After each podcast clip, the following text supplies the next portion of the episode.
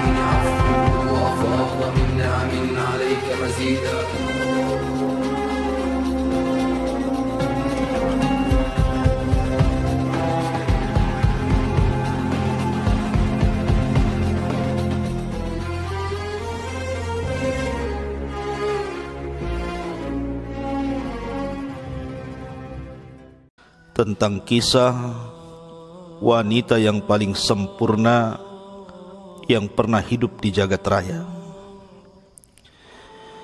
Siapa mereka? Kata Nabi sallallahu alaihi wasallam, "Kamula minar rijali kathirun wa lam yakmul minan nisa'i illa arba'ah." Kata Nabi sallallahu alaihi wasallam, laki-laki yang sempurna itu banyak. Tetapi wanita yang sempurna itu sangat sedikit dan hanya ada empat wanita. Kemudian Nabi SAW menyebutkan yang pertama adalah Asia imra'atu Fir'auna. Asia istri daripada Fir'aun. Yang kedua wa Maryam bintu Imran dan Maryam bintu Imran. Kemudian dalam riwayat wa Khadijah ibn ibntu Khuwailid Khadijah putra Khuwailid dan yang keempat yang terakhir Fatimah bintu Rasulullah sallallahu alaihi wasallam. Inilah empat wanita yang kita akan kisahkan supaya kita menambah pengetahuan bahwa wanita yang sempurna itu sangat sedikit. Yang pertama kita akan kisahkan Asiyah bintu Muzahim. Siapa Asiyah bintu Muzahim? Di dalam Al-Quranul Karim Allah subhanahu wa ta'ala mengisyaratkan tentang Asiyah bintu Muzahim Bahkan Allah subhanahu wa ta'ala menjadikan percontohan kepada Bukan hanya para wanita bahkan seluruh manusia tentang kesabarannya, istiqomahnya di atas al-haq bahkan sampai wafat husnul khotimah. Allah Subhanahu wa taala berfirman, "Wa daraballahu mathalan lilladzina amanu imra'ata fir'auna idh qalat rabbi ibni li indaka baitan fil jannah." wa najjini min fir'auna wa amali. Wa najjini minal zalimin. Dan Allah Subhanahu wa taala telah membuat permisalan khususnya bagi orang-orang yang beriman istri daripada Firaun. Ketika dia berdoa kepada Allah Azza wa Jal ya Rabb bangunkan untukku sebuah istana di sisimu di surga Allah Azza wa Jal. Dan selamatkan aku dari Firaun. Serta perbuatannya dan selamatkan aku juga dari perbuatan orang-orang zalim. Ma'asyiral muslimin yang dimuliakan Allah Azza wa Jalla. Ada beberapa hadis yang menunjukkan keistimewaan dan keagungan wanita ini. Dalam sebuah hadis Buraidah yang dicantumkan di dalam kitabnya Fathul Qadir karya Imam Asy-Syaukani rahimahullahu taala di mana dalam kitab itu disebutkan wa'adallahu nabiyahu sallallahu alaihi wasallam. Allah Subhanahu wa taala telah menjanjikan kepada nabinya sallallahu alaihi wasallam fi hadhihi an yuzawwijahu bisayyibi Asiyatu imraati Fir'aun wa bil biqri Maryam bintu Imran Allah Subhanahu wa taala telah menjanjikan kepada nabinya kelak pada hari kiamat. Maksudnya kelak di sorga. Rasul akan dinikahkan dengan seorang janda. Yang pertama maksudnya janda di sini selain Khadijah adalah Asiyah istri daripada Firaun. Kelak akan menjadi istri Nabi sallallahu alaihi wasallam di sorga. Dan dengan seorang perawan yang belum pernah menikah dialah Maryam bintu Imran. Kita tahu bahwa ada doa selepas azan yang sering dibaca oleh setiap muslim. Allahumma rabb hadhihi da'wati tamah was salatil qa'imah ati Muhammadanil wasilata wal fadilah. Ketika para ulama memberikan catatan kepada kalimat al-wasilah wal fadilah. Apa itu wasilah? Apa itu fadilah? Waj'alhu maqaman mahmud dan juga maqaman mahmud. Ulama mengatakan bahwa al-fadilah dan wasilah serta maqaman mahmud adalah tempat yang sangat istimewa di sorga. Sebuah maqam yang tidak diberikan kepada manusia sembarangan. Adapun maqaman mahmuda tempat yang paling tinggi tentu diperuntukkan untuk Nabi sallallahu alaihi wasallam. Lalu al-fadilah wal wasilah ini makamnya siapa? Kata para ulama adapun al-fadhi al-wasilah adalah makamnya Asiyah bintu Muzahim. Adapun al-fadilah makamnya Maryam bintu Imran.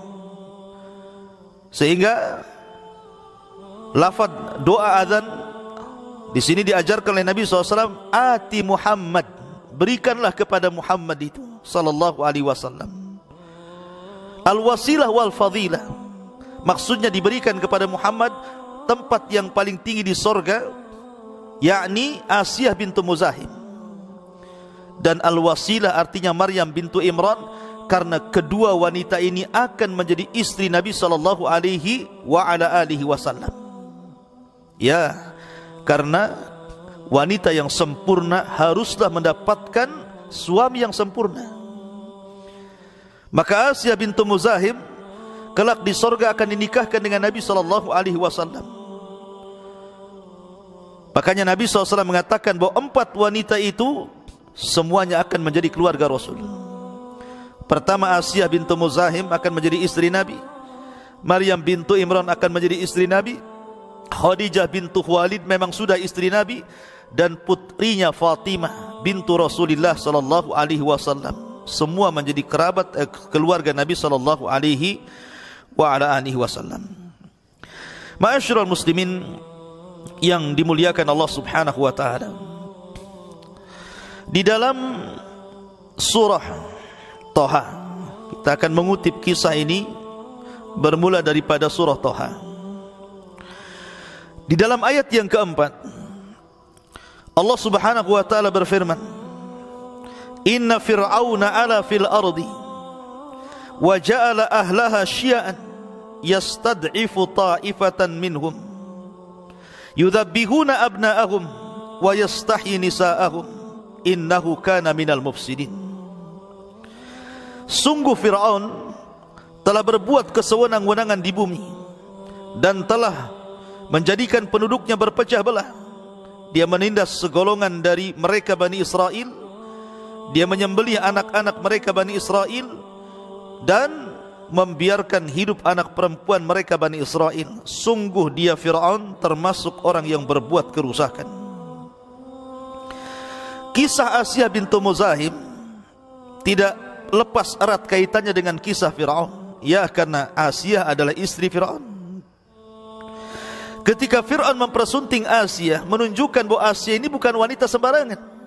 Tidak mungkin seorang raja mempersunting wanita yang tidak punya kelebihan.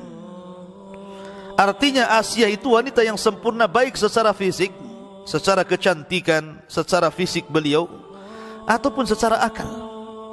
Makanya Fir'aun memilih Asia bintu Muzahim untuk menjadi istrinya. Dan dia menjadi ratu bagi seluruh negara Mesir kala itu. Tentu yang dimaksud Fir'aun di sini adalah Fir'aun di masa Nabi Yusuf alaihi salatu wassalam. Lah ketika Fir'aun suatu ketika bermimpi sebagaimana banyak yang dijelaskan oleh ahli sejarah dalam mimpinya Fir'aun ini melihat ada api yang sangat besar api itu mengarah dari Palestina menuju Mesir. Kemudian sesampainya api itu di Mesir, maka api itu membakar seluruh bangunan dan rumah kecuali perkampungan Bani Israel. Dan mimpi ini bukan hanya sekali, tapi berkali-kali. Itu yang menjadikan resah Fir'aun. Akhirnya kemudian Fir'aun pun memanggil para saharahnya, para dukunnya, tukang-tukang ramalnya, para bomonya Kemudian mulailah Fir'aun mengemukakan mimpinya kepada mereka untuk ditakwilkan. Maka sepakat ketika itu ahli-ahli sihir mengatakan bahwa mimpi ini bukan mimpi biasa. Tapi mimpi ini adalah mimpi yang akan mencelakakan anda wahai Fir'aun. Bahwa akan ada muncul seorang anak yang kelak anak ini akan merebut kekuasaan, akan mengambil tahtamu, akan menghancurkan dirimu maka dari situlah kemudian Fir'aun pun kemudian membuat kebijakan untuk membunuh bayi-bayi Bani Israel. Ma'asyiral muslimin yang dimuliakan Allah Subhanahu wa taala. Di dalam Al-Qur'anul Karim masih dalam surah Thaha. Ketika kemudian Fir'aun sudah mulai bengis membunuh anak-anak laki-laki dan membiarkan anak wanita. Bahkan anak yang belum lahir sekalipun itu oleh Fir'aun kemudian dikirim para utusan, para tentara untuk memperhatikan kehamilannya. Tidak boleh ada wanita hamil satupun kecuali harus diketahui sampai kelahirannya. Kalau memang dia bayi laki-laki langsung diambil kemudian dikubur hidup-hidup. Kalau dia bayi perempuan maka akan dibiarkan hidup. Lah ketika itu maka setiap hari terjadi pembantaian bayi-bayi Bani Israel. Sampai satu tahun lamanya. Kemudian setelah lama satu tahun pembantaian itu, entah berapa ribu bayi yang dibantai oleh tentara Firaun.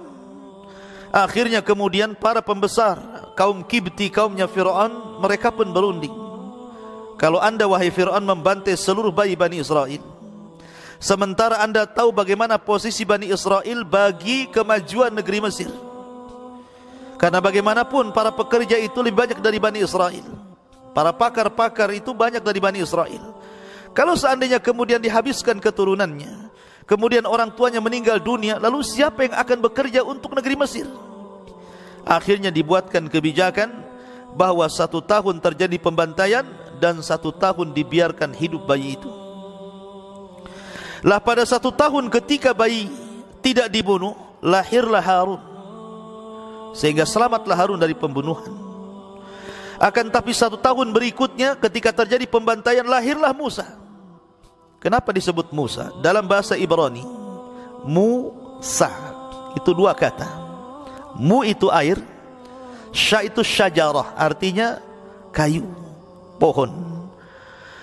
Karena ketika kemudian Musa alaihi salatu wasalam kecil diletakkan di tabut di sebuah kayu, kemudian dihanyutkan di air di lautan. Maka kemudian dalam bahasa Ibrani diberi nama Musa.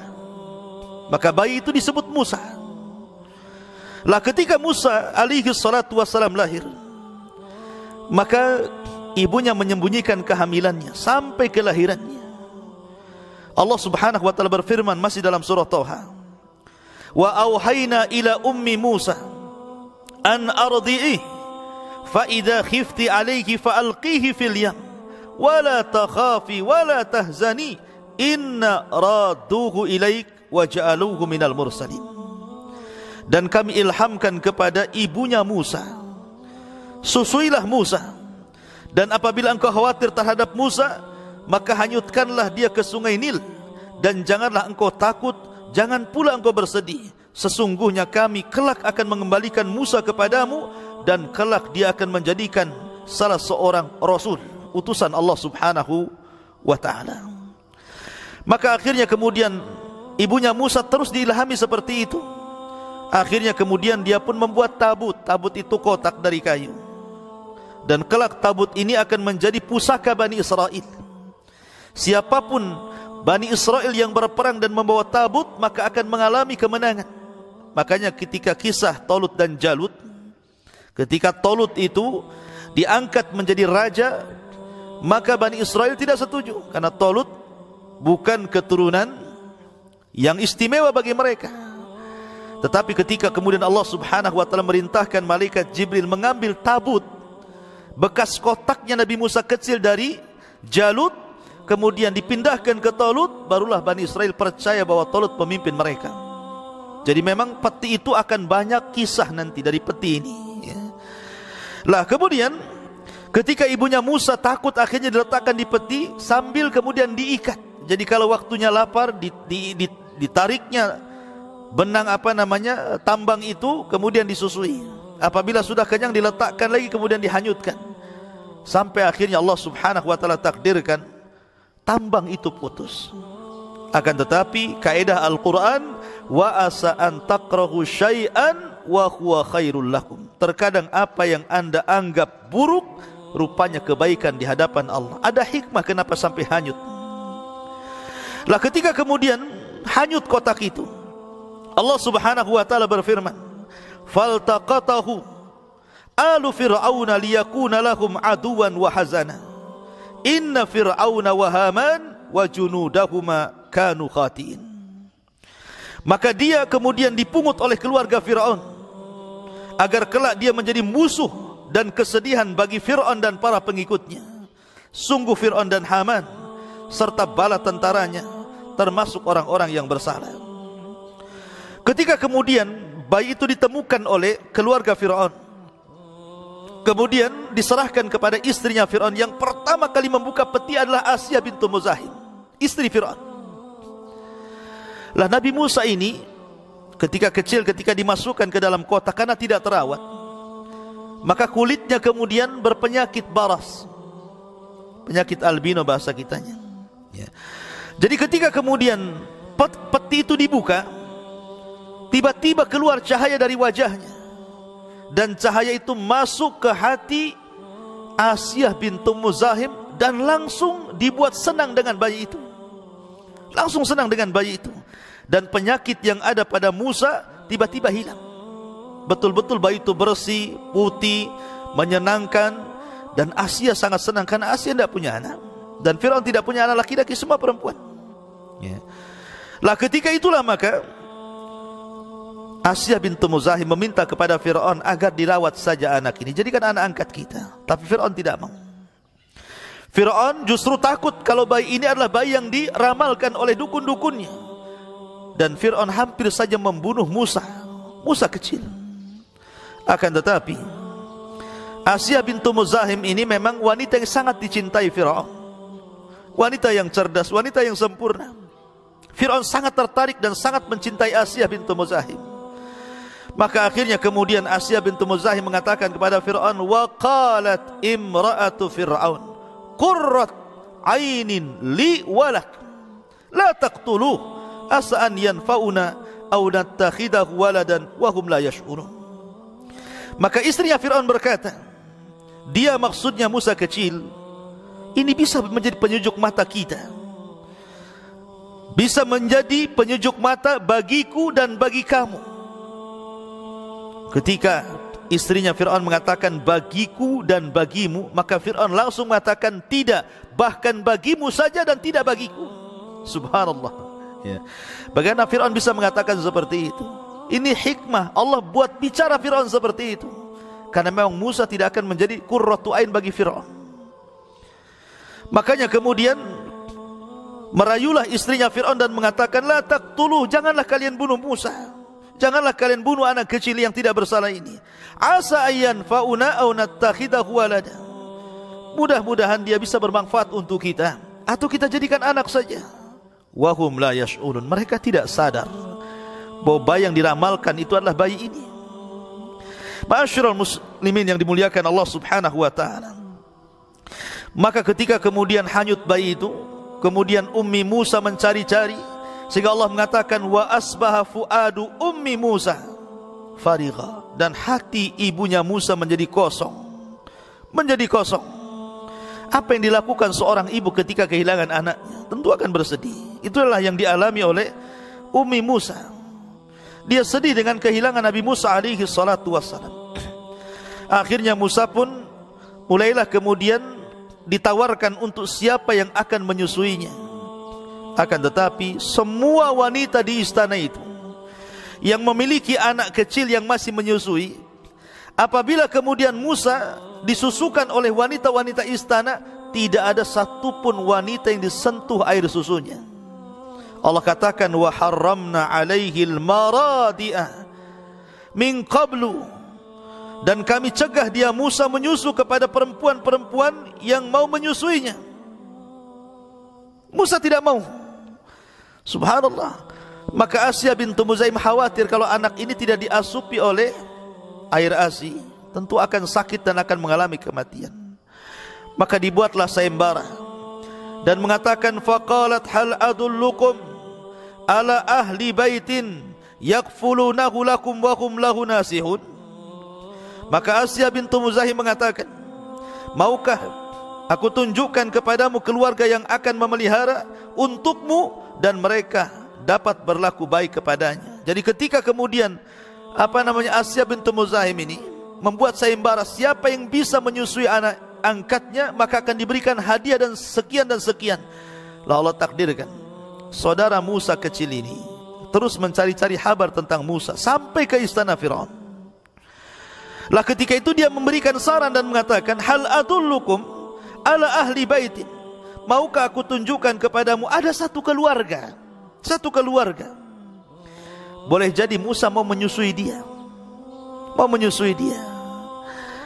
Lah ketika itu ikhwatu fidin yang dimuliakan Allah Azza wa Jal, maka Asia minta memanggil siapa wanita itu datangkan ke istana maka datangkanlah ibu Musa asli ke istana Allah mengatakan in kadat la tubdi bihi laula an rabatna ala qalbiha litakuna minal mu'minin sungguh hampir-hampir saja dia ibunya Musa menyatakan rahasia tentang Musa mau mengatakan ini anakku tapi tidak jadi Makanya Allah mengatakan hampir-hampir saja ibunya Musa mengatakan rahasia tentang Musa.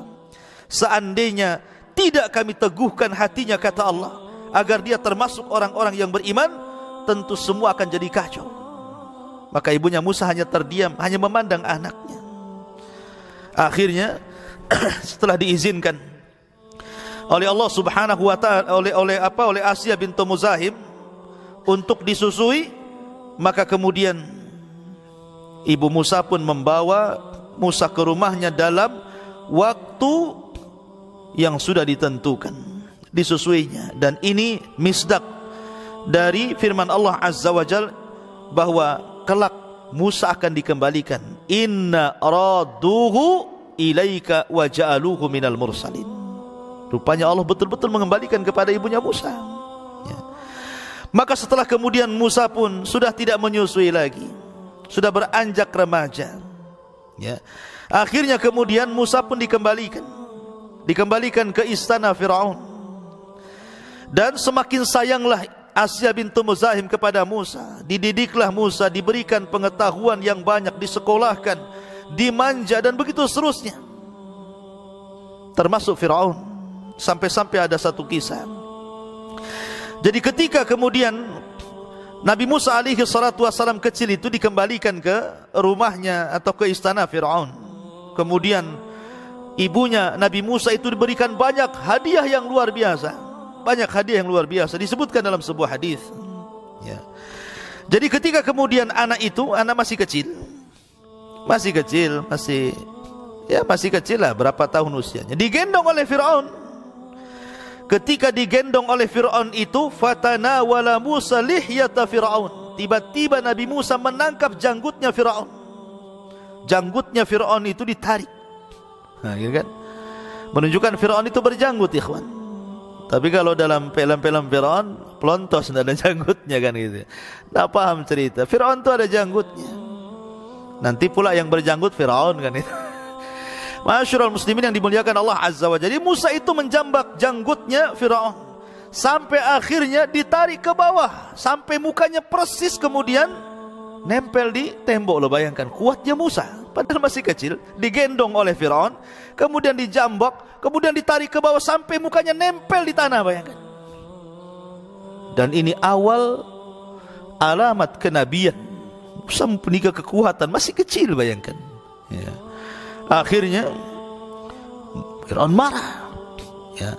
Dia teringat dengan ilhamnya apa? Dengan ramalannya para dukun. Jangan-jangan dia yang akan menjadi penghalang kekuasaannya. Maka dia kemudian memanggil Zabbahin. Tukang pancung. Dipanggilnya tukang pancung itu. Maka kemudian hampir-hampir kemudian Musa mau ditebas lehernya itu.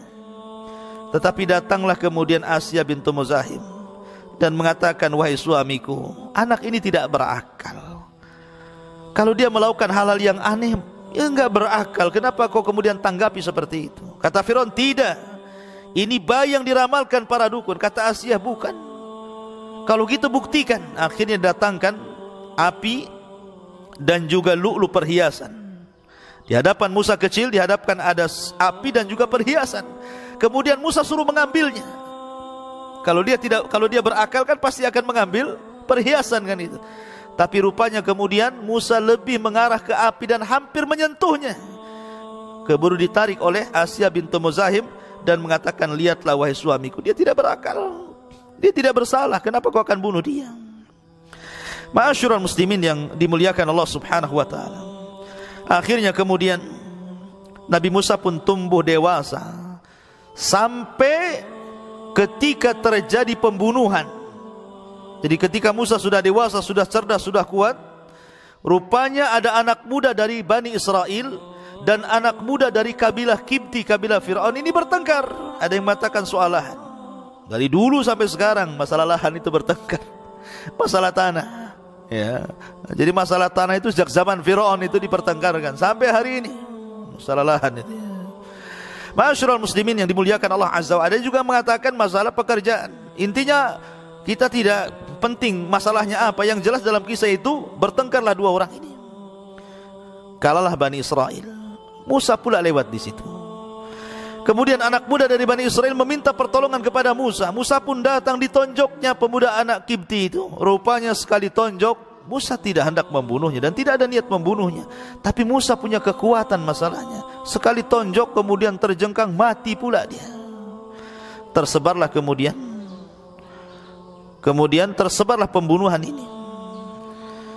Sampai akhirnya kemudian Musa mengalami kasus pembunuhan kepada kaum Kibti.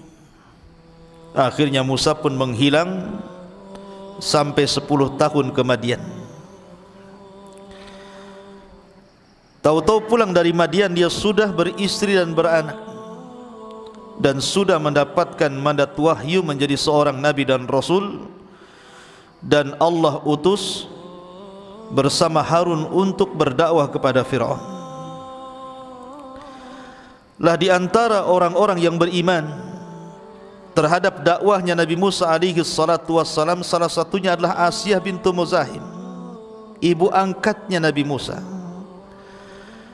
Kemudian rajulun min ali Firaun, seorang laki-laki yang dekat kerabat dengan Firaun. Kemudian juga Masyitah, tukang sisir putri-putri Firaun. Semua menyembunyikan keimanannya.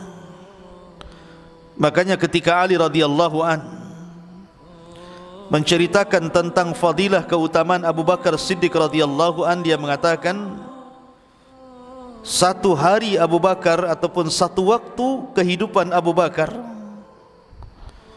itu jauh lebih baik daripada orang-orang yang beriman di zaman Fir'aun dari keluarganya alasannya karena Abu Bakar berani terang-terangan dengan keimanannya tapi mereka menyembunyikan keimanannya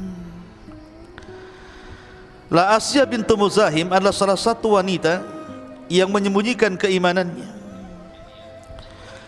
Masyarul muslimin yang dimuliakan Allah Azza wa Jal. Baik. Adapun kenapa kemudian Firaun sampai mengetahui dan tersingkap keimanan daripada Asya bintu Muzahim? Berawal dari seorang wanita tukang sisir Firaun yang disebutkan dalam hadis yang sahih. Namanya Masyita. Disebut Masyita karena tukang sisir Fir'aun. Dijelaskan oleh Abdullah bin Abbas radhiyallahu anhuma dalam sebuah hadis ketika Nabi sallallahu alaihi wasallam diisrakan kemudian dimi'rajkan sampai ke Sidratil Muntaha. Nabi diizinkan masuk surga ketika dia masuk surga Tiba-tiba di sorga dia mencium bau yang sangat semerbak harumnya. Sehingga Rasul bertanya kepada Jibril, "Ya Jibril, ma hadhihi raihatu tayyibah?" Jibril, ini bau apa ini? Harum sekali. Maka Jibril mengatakan, "Hadhihi raihatu masyitati ibnati Fir'aun wa auladiha." Inilah wewangian yang datang dari masyitah tukang sisir putri-putri Firaun dan anak-anak Masyita.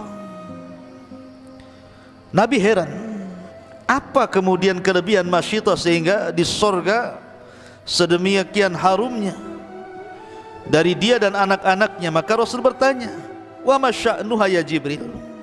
Bagaimana bisa? Bagaimana ceritanya? Maka kemudian diceritakan oleh Jibril Suatu ketika Masyitah ini menyisiri putri Fitra Fir'aun. Tiba-tiba sisirnya jatuh. Ketika sisirnya jatuh itulah tiba-tiba Masyitah mengambil sisirnya secara refleks bahasa kitanya karena dia sudah beriman. Dan di sekelilingnya tidak ada Fir'aun, tidak ada tentara, hanya anak-anak Fir'aun yang wanita-wanita yang kecil-kecil. Tiba-tiba Masyitah mengatakan Bismillah dengan menyebut nama Allah. Ketika itu heran putri-putrinya Firaun karena setahu dia Tuhannya adalah ayahnya Firaun. Karena selalu Firaun mengatakan ana rabbukumul a'la ma alimtu min ilahin ghairi. Itu selalu dikumandangkan seperti itu. Saya Rob kalian yang paling tinggi ma alimtu min ilahin ghairi aku tidak tahu Tuhan selain diriku. Itu kecongkakan Firaun. Makanya kemudian anaknya mengatakan kepada Masyitah ini tentang persoalan kalimat Allah dalam lafaz bismillah. Siapa Allah itu? Maka Masyita mengatakan Allah adalah Rabbuki. Rabbi wa Rabbuki wa Rabbi abaik. Dia adalah Tuhanku, Tuhanmu dan Tuhan bapakmu Kagetlah putri Masyita ini akhirnya menghabarkan perkara itu kepada ayahnya. Bahwa di sana ada Tuhan selain dia. Dipanggillah Masyita ini Kemudian disuruh bertobat oleh Fir'aun tetapi dia tetap mempertahankan keimanannya sampai pada waktunya. Akhirnya Fir'aun pun mengadab Masyito untuk menjadi pelajaran siapa pun yang kufur terhadap dirinya. Maka kemudian Fir'aun menyuruh tentaranya untuk menyediakan penggorengan yang sangat besar, kemudian dimasukkan zait di situ, dimasukkan minyak goreng di situ sampai betul-betul mendidih lah ketika itu satu persatu anak masyita itu dimasukkan kepada penggorengan supaya masyita murtad. Tapi masyita tidak bergeming sampai ketika anak bayi masyita ini yang terakhir hendak dilempar di situlah goyah karena masih bayi masalahnya. Tapi tiba-tiba Allah subhanahu wa ta'ala membuat bicara bayi itu antakah Allah Allah buat bicara bayi itu. Kemudian mengatakan kepada ibunya Masyitah tidak mengapa wahai ibuku biarkan kita masuk ke dalam bejana ini dan kita akan berjumpa di sorga. Maka kemudian Masyitah pun akhirnya betul-betul dimasukkan ke penggorengan sampai akhirnya Allah subhanahu wa ta'ala takdirkan mati syahid dibunuh oleh Fir'aun karena kekejamannya. Lah sebab Islamnya Masyitah ini kemudian siksaan Masyitah yang diterima dia dari Fir'aun ini menjadikan dia buka suara. Membuka suara siapa-siapa yang beriman dari keluarganya. Salah satunya dia kemudian menceritakan tentang istri Fir'aun Asiyah bintu Muzahim. Karena ketika itu kematian Masyita menyisakan keperitan hati Asiyah bintu Muzahim. Sampai dia marah pada suaminya lah ketika kemudian Fir'aun ini betul-betul mengetahui bahwa Asiyah bintu Muzahim ini beriman kepada Nabi Musa marah dia marah luar biasa ya. apalagi Ketika itu memang dakwah Nabi Musa alaihi salatu wasallam sudah berjalan. Sudah banyak Bani Israel yang kemudian tertarik dengan dakwah Nabi Musa dan Nabi Musa sudah memimpin Bani Israel. Ma'asyiral muslimin yang dimuliakan Allah Azza wa Jalla. Sampai akhirnya ketika Fir'aun mengumpulkan para pembesar-pembesarnya kemudian Ketika itu mengatakan di hadapan Masyitah, di hadapan kaumnya, kemudian memberi pendapat tentang Masyitah. Apa kata Firaun? Bagaimana pendapat kalian tentang istriku Asia? Asia bintu Muzahim. Maka orang-orang pun kemudian fa'athnau alaiha. Maka mereka pun memuji Asia bintu Muzahim, oh dia wanita baik wanita yang agung, wanita yang mulia, macam-macam. Kemudian kata Firaun, akan tetapi innaha ta'budu rabban ghairi. Tapi wanita ini kata Firaun telah menyembah Tuhan selainku. Mendengar kata-kata itu maka para pembesar Mesir berbalik yang tadinya memuji Asia bintu Muzahim akhirnya mereka memfatwakan idzan uqtulha kalau gitu bunuh wanita itu. Bunuh wanita itu. Akhirnya betul-betul wanita itu maksudnya Asia bintu Muzahim ditangkap kemudian diikat. Dipaksa untuk mengakui keislamannya dan murtad dari keislamannya dan mengakui tentang ketuhanan Firaun. Tidak mungkin. Asia itu istri Firaun, tentu dia tahu gelagat suaminya. Sifat-sifat watak-watak suaminya tidak mungkin dia Tuhan kan begitu. Apalagi kemudian dengan melihat kenyataan Nabi Musa dengan mukjizat yang dihadapannya semakin teguhlah keimanan Asia bintu Muzahim. Bayangkan Asia bintu Muzahim ini orang orang nomor dua loh di Mesir. Orang nomor dua. Artinya bahwa dia ratu Mesir. Apa pun yang dikehendaki dari segala kekayaan itu tinggal minta saja. Tempat enak, kasur empuk, makanan eh, sedia dayang-dayang siap melayani kurang apa hidup di istana Fir'aun karena dia orang nomor duanya akan tetapi keimanannya tidak bisa digoyangkan dengan dunianya. Masyurul muslimin yang dimuliakan Allah Azza wa itulah masyitah betul-betul persis seperti Khadijah bintu Khuwailid yang beriman kepada Nabi wasallam dan memperjuangkan dakwah Rasul. Maka Masyita juga sama beriman kepada Musa dan berusaha untuk memperjuangkan akidahnya. Akhirnya Masyita pun diikat dibawa ke tempat lapang dijemur selama tiga hari supaya murtad dari agamanya. Subhanallah di sini ada karamah. Setiap mereka menyiksanya Masyita sampai kemudian hampir sakaratul maut mereka pulang di tengah terik-terik matahari maka malaikat datang kemudian menaungi. Seolah-olah tidak kepanasan. Begitulah seterusnya. Sampai akhirnya Fir'aun sudah tidak tahan karena dia tidak mau juga murtad dan mengakui ketuhanannya akhirnya Fir'aun pun membunuhnya dengan cara melemparkan dari tempat yang tinggi lah ketika Masyitoh terlempar itulah dia berdoa kepada Allah Subhanahu wa taala, "Rabbi ibnili indaka baitan fil jannah wa najjini min fir'auna wa amali wa najjini minal qaumi zalimin." Ya Rabb, Tidak ada masalah aku harus dibunuh secara sadis seperti ini. Tapi tolong bangunkan untukku istana di sorga di sisimu. Kata para ulama, kalimat Ya Rab bangunkan untukku di sisimu satu rumah di sorga artinya apa? Masyitah telah mendahulukan tetangga dibandingkan rumah. Dia ingin bertetangga seolah-olah ingin dekat dengan Allah. Setelah dekat dengan Allah baru dia meminta istana dibangunkan di sisinya. Di sini ada kaedah dalam muamalah keseharian bahwa sebelum orang itu hidup di sebuah tempat, mungkin Anda ingin pindah ke sebuah perumahan, ingin membeli rumah, maka bukan yang dilihat itu rumahnya dulu, tapi tetangga di sekitarnya dulu. Nih kalau saya tinggal di rumah ini macam mana tetangganya? Muslim semuakah, kafir semuakah, gado-gadokah muslim kafir? Ada masjidnya tidak? Macam mana karakter tetangganya? Harusnya seperti itu yang itu yang diajarkan dari doa Masyitah ini. Eh doa Asia bintu Muzahim ini. Tapi sayang kebanyakan orang mencari rumah itu apa? Justru rumahnya dulu baru tetangganya. Yang dilihat itu view-nya dulu. Mantap nih ada kolam renangnya, jalannya luas-luas, ada tamannya, ada pohonnya. Gak peduli dengan tetangganya. Ketika itu kaedah mencari rumah, akhirnya ketika hidup di perumahan itu, hidupnya nafsi-nafsi.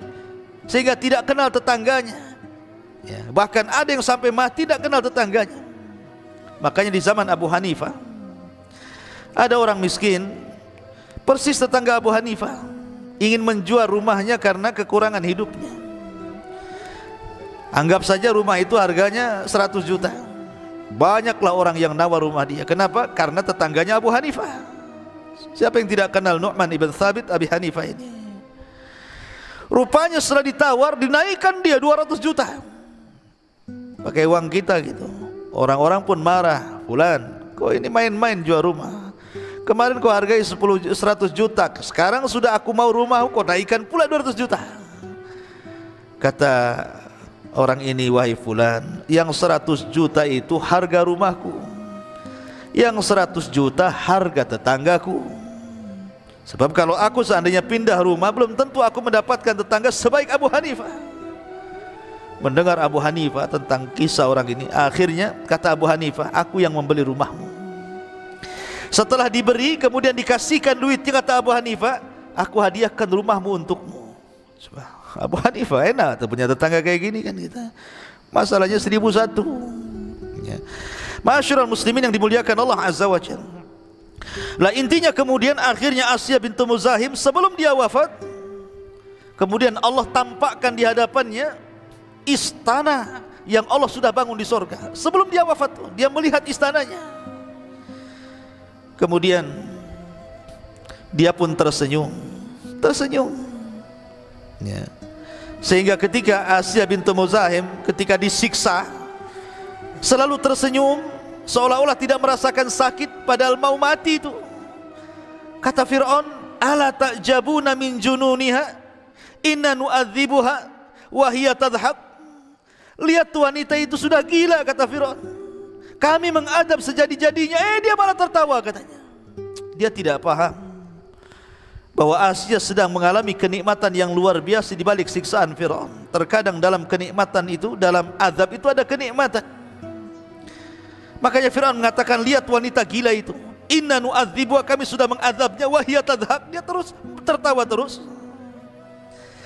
Maka ketika dia sudah melihat istananya di sorga kemudian dia jatuh ke tanah faqubidallahu ruhaha maka Allah Subhanahu wa taala mencabut ruhnya mencabut ruhnya inna lillahi wa inna ilaihi rajiun lah dalam kisah masyitah orang-orang yang beriman juga sebagai tambahan jadi ketika kemudian Masyitah meninggal dunia Asia bintu Muzahim juga meninggal dunia Kemudian Fir'aun sudah betul-betul murka dan marah kepada kepada Musa maka dia berjanji untuk membunuh Nabi Musa. Dia kumpulkan semua orang tuh dalam majelis.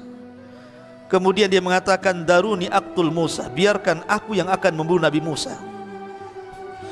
Tiba-tiba ketika Firaun memfatwakan akan membunuh Nabi Musa, Tiba-tiba ada rajulun mukmin, seorang laki-laki yang beriman, ada yang mengatakan dia adalah penasihatnya Firaun, ada yang mengatakan pamannya Firaun. Pokoknya orang ini sangat berpengaruh dalam kerajaan. Selama ini dia sembunyikan keimanannya, tetapi yang namanya kesabaran pasti ada limitnya.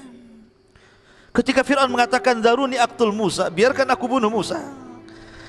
Maka Allah Subhanahu wa taala kemudian menjelaskan Orang ini tiba-tiba berdiri dan mengatakan ataqtuluna rajulan an yaqula rabbi Allah wa qad ja'akum bil bayyinati min rabbikum wa iyyaku kadhiban fa alayhi kadhibah wa iyyaku sadikan yusibkum ba'dalladhi ya'idukum innallaha la yahdi man huwa musrifun kadzdzab.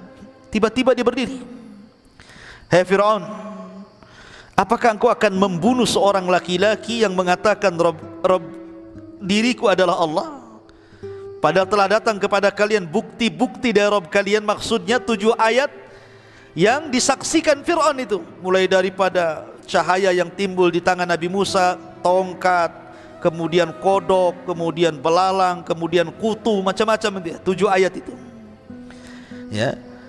Kemudian seandainya kata orang ini si Musa itu pendusta tidak ada berpengaruh bagi kita kedustaannya akan kembali kepada dirinya Coba kalau seandainya dia benar yang didakwahkan itu kepada kita Kemudian dia mengancamkan sebagian ancaman Allah kepada kalian Maka Allah tidak akan memberikan petunjuk kepada siapa pun yang melampaui batas dari bagi bagi siapa pun yang melampaui batas dan pendusta. Bisa saja ancaman itu menjadi kenyataan. Subhanallah. Timbul keberaniannya di sini. Padahal dia selama ini menutupi keimanannya. Tapi ketika Fir'aun kemudian bermaksud membunuh Nabi Musa, tidak tahan dia. Tiba-tiba kemudian dia bangkit di dalam rapat dan mengatakan seperti itu. Kemudian dia mulai mengarah wajahnya ke audien yang hadir dalam rapat bersama Fir'aun itu. Mulailah dia menasehati manusia yang ada di situ. Ya kaumi, lakumul mulkul yaum, zahirina fil ardi, faman yang suruna min ba'sillah inja'ana. Wahai kaumku, pada hari ini kerajaan ada padamu. Dengan berkuasa di bumi tetapi siapa yang akan menolong kita dari azab Allah Azza wa Jalla? Tiba-tiba Fir'aun bangkit dan mengatakan qala fir'aunu ma urikum illa ma ara wa ma ahdikum illa sabila rasyad. Aku hanya mengemukakan kepadamu apa yang aku pandang baik dan aku hanya menunjukkan kepadamu jalan yang benar. Seolah-olah Fir'aun mengatakan tidak, tidak ada Tuhan selainku. Aku yang berhak memutuskan dalam rapat ini. Semua kebaikan aku yang arahkan bukan kalian, bukan pula siapa pun. Sombongnya Fir'aun. Maka kemudian dijawab lagi oleh seorang laki-laki yang beriman ini. Wa qala alladhi amana ya qaumi inni akhafu alaikum mithla yaumil ahzab dan orang yang beriman itu kemudian bangkit dan berkata, Wahai kaumku sesungguhnya aku khawatir. Kamu akan ditimpa bencana seperti hari kehancuran golongan-golongan yang bersekutu. Misla da'bi kaumi Nuhin wa Adin wa Thamud.